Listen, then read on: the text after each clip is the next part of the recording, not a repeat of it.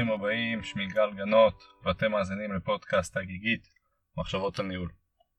היום אני רוצה לדבר על מודלים לתהליכי חשיבה, ובצורה קצת יותר אה, מפורטת אני ארצה להזכיר שני מודלים שעוזרים לי לנהל תהליכים ניהוליים שבעיניי קשורים לסיור מוחות או לאיזשהו תהליך חשיבה שצריך להתבצע כדי לדעת מה ההחלטה הנכונה ולאיזה כיוון צריכים ללכת.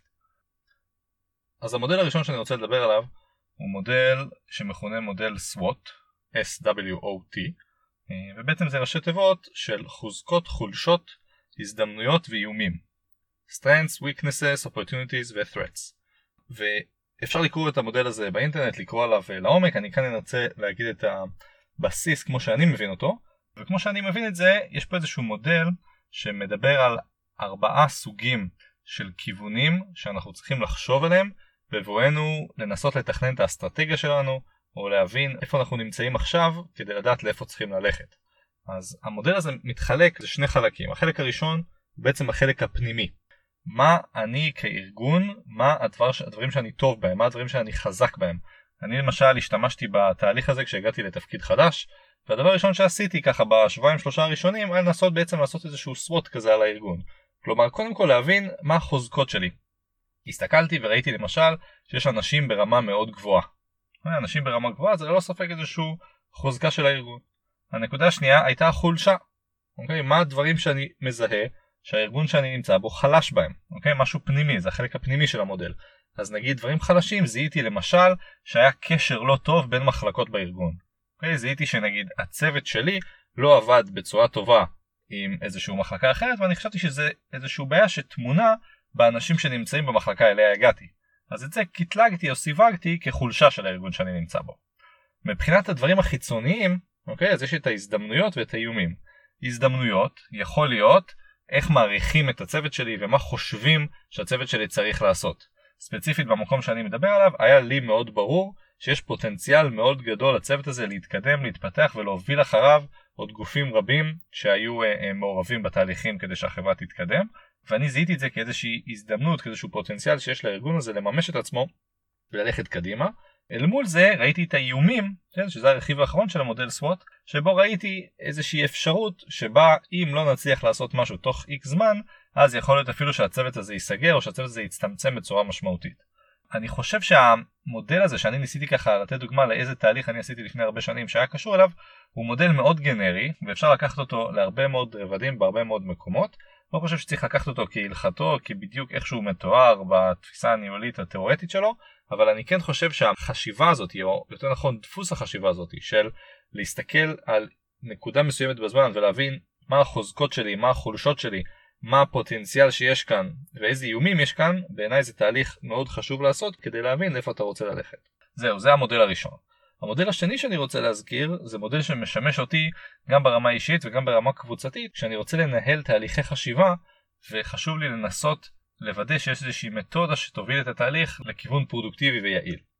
השיטה הזאת היא שיטה שהגה אותה אדם בשם אדוארד דה בונו, היא מכונה שיטת כובעי החשיבה או ששת כובעי החשיבה והרעיון כאן זה שאם יושבים חבורה של אנשים בחדר ומנסים לקדם איזשהו דיון, איזושהי חשיבה סביב נושא מסוים, כל אחד מהם בעצם צריך להיכנס לאיזשהו תפקיד. תפקיד מוגדר והתפקיד הזה מתבטא במודל הזה כאיזשהו דימוי של חבישת כובע, אוקיי? ששת הכובעים זה אה, הכובע הלבן, כובע האדום, שחור, צהוב, ירוק וכחול. עכשיו כדי להבין איך השיטה הזו עובדת תנסו לדמיין שיש חדר דיונים ובו יושבים שישה אנשים וכל אחד מהם יש עליו כובע בצבע אחר. עכשיו התפקידים משתנים בהתאם לכובע. יכול אדם לשבת עם כובע לבן, ובמהלך הדיון להעביר את כובע הלבן למישהו אחר ולחבוש את הכובע האדום. ואז התפקיד שלו בדיון משתנה. עכשיו אפרט רגע את המשמעות של הכובעים. הכובע הלבן הוא האדם שאחראי במסגרת הדיון לתת את כל הנתונים האובייקטיביים. כלומר אם עכשיו אנחנו דנים על תהליך הסמכה של עובד חדש, אז האדם הלבן צריך לבוא ולהביא את הנתונים כמה זמן עד היום לוקח להכשיר בן אדם, כאילו מה הממוצע בשנים שקדמו, כמה עובדים הגיעו עד היום לחברה המדוברת הזאת, איזה חומרים קיימים בתהליך הקיים, איפה החומרים שמורים, זאת אומרת הוא צריך לבוא עם כל הנתונים המדויקים כדי להקל על כל הדוברים האחרים לקדם את הרעיון. אבל מישהו אחד צריך לשלוט בפרטים ולהיות אובייקטיבי וזה מי שחובש את הכובע הלבן. כובע האדום זה מישהו שהוא מאוד רגשי. הוא מישהו שיושב ואומר מה האינטואיציה שלו, מה התחושה שלו אומרת לו. בשיטה של דבונו האינטואיציה הזאת היא מאוד חשובה. הרבה פעמים יש אנשים שחושבים אני לא בטוח למה אבל אני מרגיש שזה הדבר הנכון. הכובע האדום הוא זה שצריך להביא את הדברים האלה לידי ביטוי. עכשיו יש שני כובעים שהם בעצם קצת מנוגדים אחד לשני, שזה הכובע השחור והכובע הצהוב. הכובע השחור זה האדם השלילי, זה שינסה להבין כל הזמן למה הרעיון שכרגע העלו הוא רעיון שגוי, והאדם שיושב עם הכובע הזה כל הזמן מנסה להפיל ולהסביר למה הרעיון הזה הוא לא טוב. הכובע הצהוב לעומתו הוא ההפך, הוא האדם האופטימי, הוא מנסה לחפש את הדבר הטוב ברעיון שכרגע העלו, ומנסה להצדיק ולחזק את דבריו של מי שהעלה את הרעיון הנקודתי הזה.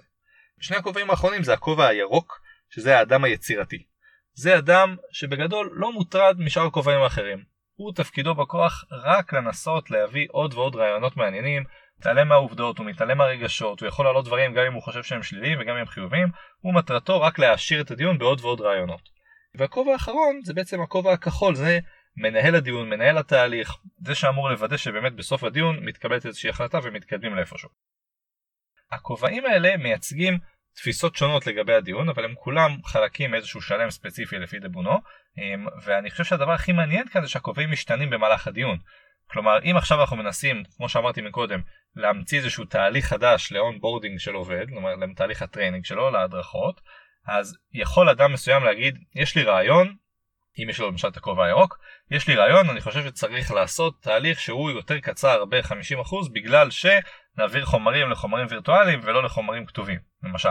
ואז מי שחופף את הכובע הצהוב יגיד אני חושב שזה רעיון נהדר בגלל שהיום העולם הולך לדיגיטציה ואני אוכל בצורה יותר קלה להעביר את החומרים ואז יכול מנהל הדיון איש הכובע הכחול להגיד לאיש שכרגע אה, היה עם הכובע הירוק כלומר הוא זה שהגה את הרעיון להגיד לו יקרי אתה עכשיו צריך לשים את הכובע השחור ובעצם מי שעכשיו הגה את הרעיון צריך לחשוב למה הוא רעיון שלילי. עכשיו שוב אפשר להעמיק על המודל הזה בעוד מקומות שלא בפודקאסט הזה הקצר הזה כן היה לי חשוב לציין את המודל הזה כי אני משתמש בו הרבה לאו דווקא כדיון שבו אנשים חובשים כובעים בעיקר ב state of mind שלי. כלומר אני באיזשהו דיון רוצה להעלות רעיון אני אומר לעצמי אני עכשיו בכובע הירוק אני לא רוצה להתמודד עכשיו עם העובדות או עם האינטואיציה שלי או עם מה הגיוני ומה לא הגיוני. יש לי רעיון ואני רוצה להעלות אותו. ולהפך לפעמים יש לי איזו תחושה חזקה שאני רוצה להביע שהיא תחושה רגשית ואני אומר לעצמי חברים אני עם הכובע האדום זה מה שאני רוצה כרגע לדבר. לא מעניין אותי עובדות מעניין אותי עכשיו התחושה והאינטואיציה והרגש וזה יכול באמת להיות לפעמים הכובע הלבן. חברים לא יודע מה אתם אומרים העובדות אומרות איזשהו משהו אחר.